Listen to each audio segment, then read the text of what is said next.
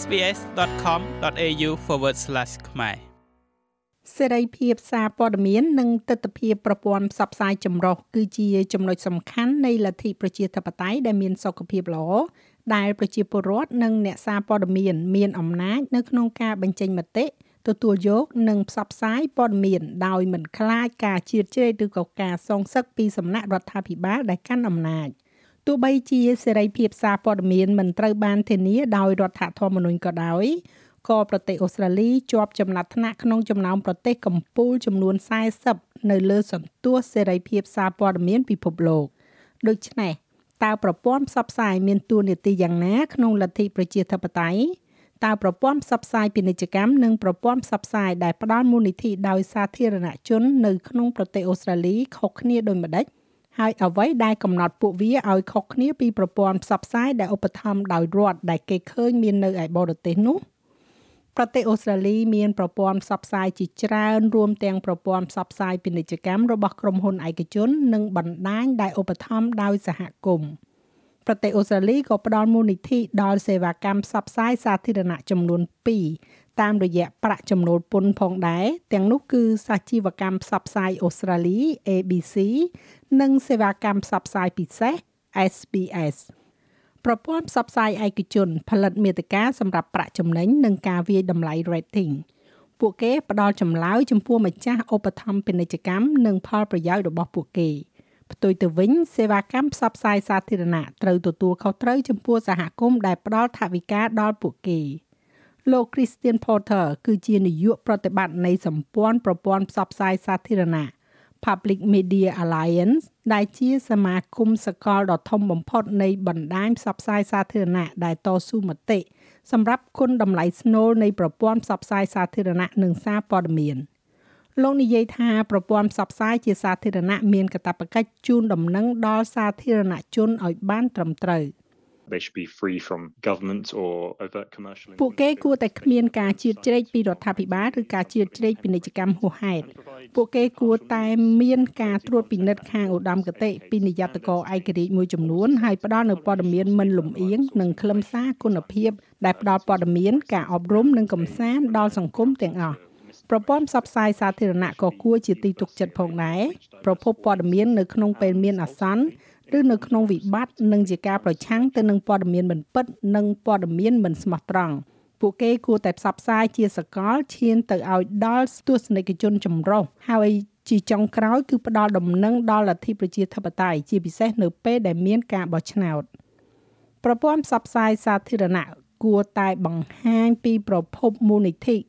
ការគ្រប់គ្រងនិងរបៀបដែលពួកគេចំណាយប្រាក់របស់ពួកគេ។ លោកស្រី Wendy Bacon គឺជាអ្នកកសែតស៊ើបអង្កេត ជាសកម្មជននយោបាយនិងជាអ្នកសិក្សាមួយរូបលោកស្រីគឺជាសាស្ត្រាចារ្យផ្នែកសារព័ត៌មាននៅសាកលវិទ្យាល័យបច្ចេកវិទ្យា Sydney UTS អស់រយៈពេល2ទសវត្សរ៍លោកស្រីមានប្រសាសន៍ថាប្រព័ន្ធផ្សព្វផ្សាយសាធារណៈផ្ដល់នូវវេទិកាសម្រាប់សម្លេងខុសៗគ្នានិងរចនាប័ទ្មកម្មវិធីផ្សេងៗគ្នា ដែលឆ្លុះបញ្ចាំងពីតម្រូវការនិងទស្សនៈចម្រុះនៃសហគមន៍ទូលំទូលាយ នេះគឺផ្ទុយពីប្រព័ន្ធផ្សព្វផ្សាយដែលឧបត្ថម្ភដោយរដ្ឋ purpose of that media is to be a voice គោលបំណងនៃប្រព័ន្ធផ្សព្វផ្សាយនោះគឺចង់ធ្វើជាសម្លេងសម្រាប់រដ្ឋាភិបាលណាមួយក៏ដោយដែលគ្រប់គ្រងទៅលើសង្គមរបស់ពួកគេដែលជាដៃរបស់រដ្ឋាភិបាល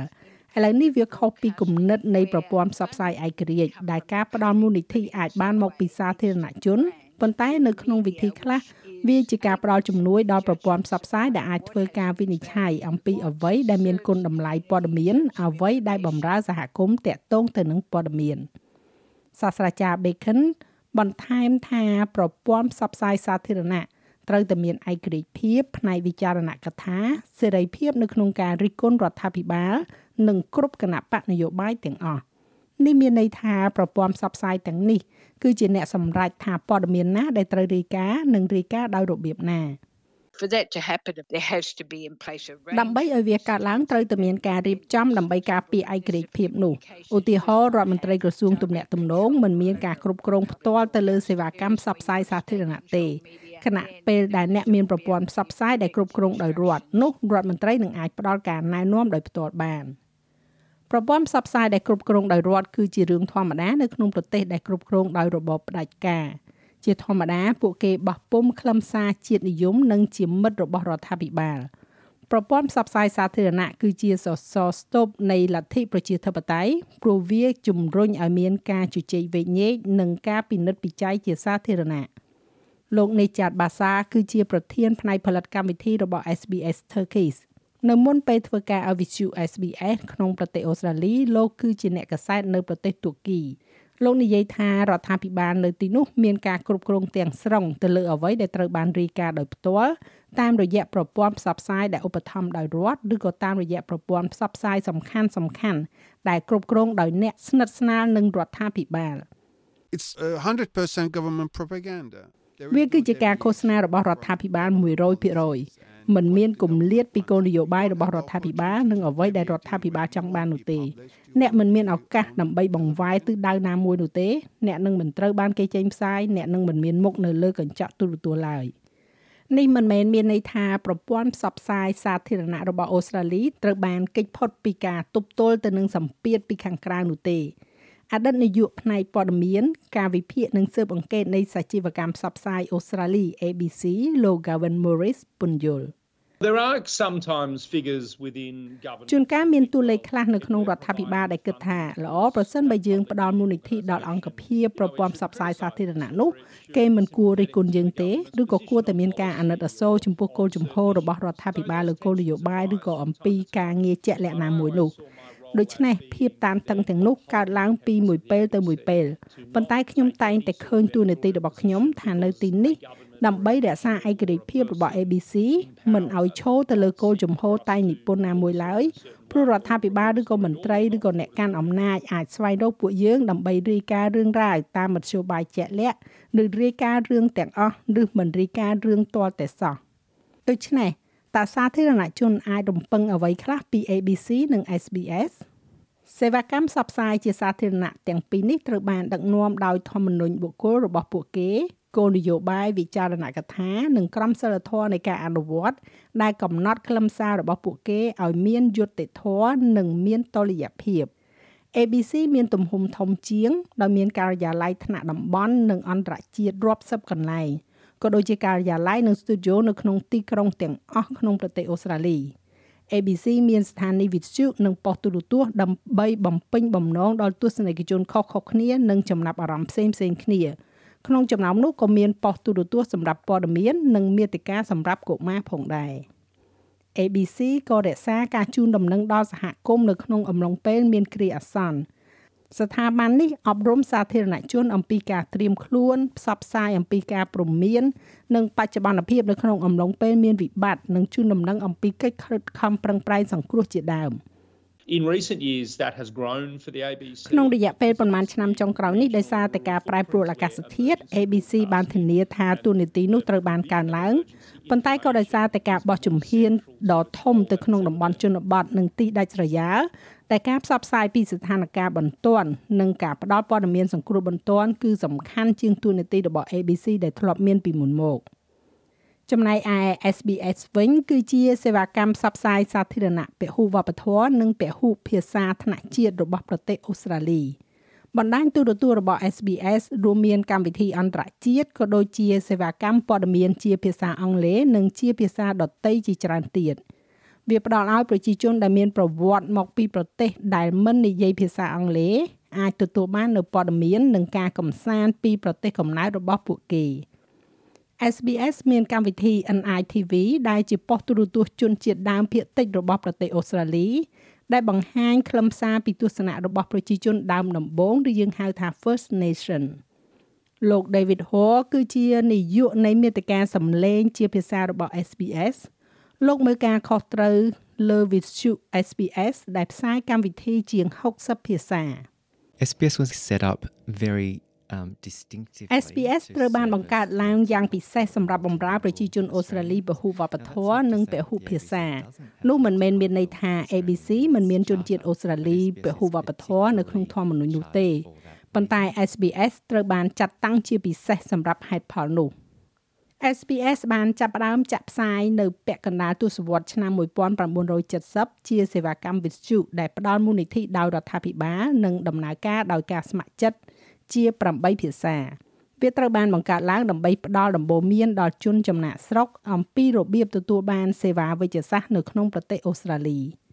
ចាប់តាំងពីពេលនោះមក Vithu SBS បានពង្រីកយ៉ាងខ្លាំងឥឡូវនេះគេក៏បានបោះផ្សាយព័ត៌មាន Digital និង Podcast ជាភាសារាប់សិបភាសាផងដែររួមទាំងមគ្គុទ្ទេសក៍ណែនាំអំពីការតាំងទីលំនៅទៀតផង លោក David Hoare ពន្យល់ម្ដងទៀត It is very much targeted to វាត្រូវបានកំណត់គោលដៅយ៉ាងខ្លាំងចំពោះប្រិយមិត្តអ្នកស្ដាប់នៅក្នុងប្រទេសអូស្ត្រាលីដែលនិយាយភាសាផ្សេងផ្សេងៗហើយតម្រូវការរបស់ពួកគេមានលក្ខណៈទូលំទូលាយសេវាកម្មនេះត្រូវបានរចនាឡើងដើម្បីជួយប្រជាជនឲ្យយល់ដឹងឲ្យបានច្រើនតាមដែលអាចធ្វើទៅបាន អំពីប្រទេសអូស្ត្រាលីមធ្យោបាយដែលដំណើរការរួមទាំងរដ្ឋាភិបាលរបស់យើងការិយាល័យធិបតេយ្យរបស់យើងប្រព័ន្ធសាលារៀនរបស់យើងប្រព័ន្ធសង្គ្រោះបន្ទាន់របស់យើងនិងអ្វីអ្វីផ្សេងទៀត